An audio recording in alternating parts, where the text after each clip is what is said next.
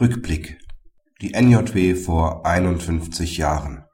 Besser informiert über die Errichtung von Nottestamenten. In bestimmten Situationen können Erblasser unter besonderen Voraussetzungen ein Testament errichten. Bürgermeistertestamente, Drei-Zeugen-Testamente und Nottestamente auf See werden unter dem Begriff Nottestamente zusammengefasst und werden dadurch gekennzeichnet dass der Gang zum Notar aufgrund einer lebensbedrohlichen Notlage nicht mehr möglich ist.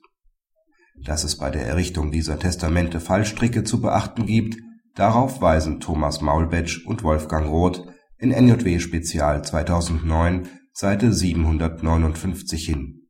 Das durch die Autoren vermittelte Wissen hätte sicherlich auch einem Verwaltungsbeamten eines Krankenhauses nicht geschadet der sich am Nachmittag des 13.08.1954 dem Wunsch eines Patienten gegenübersah, vor einer Operation noch ein Testament zu errichten. Ein fundiertes Wissen kann von ihm aber nicht verlangt werden, urteilte der BGH in Heft 51 der NJW von vor 51 Jahren (NJW 1958, Seite 2107 ein Verwaltungsbeamter brauche die Einzelheiten des Testamentsrechts nicht zu beherrschen und nicht fähig sein, sofort ohne Unterlagen ein Nottestament errichten zu können.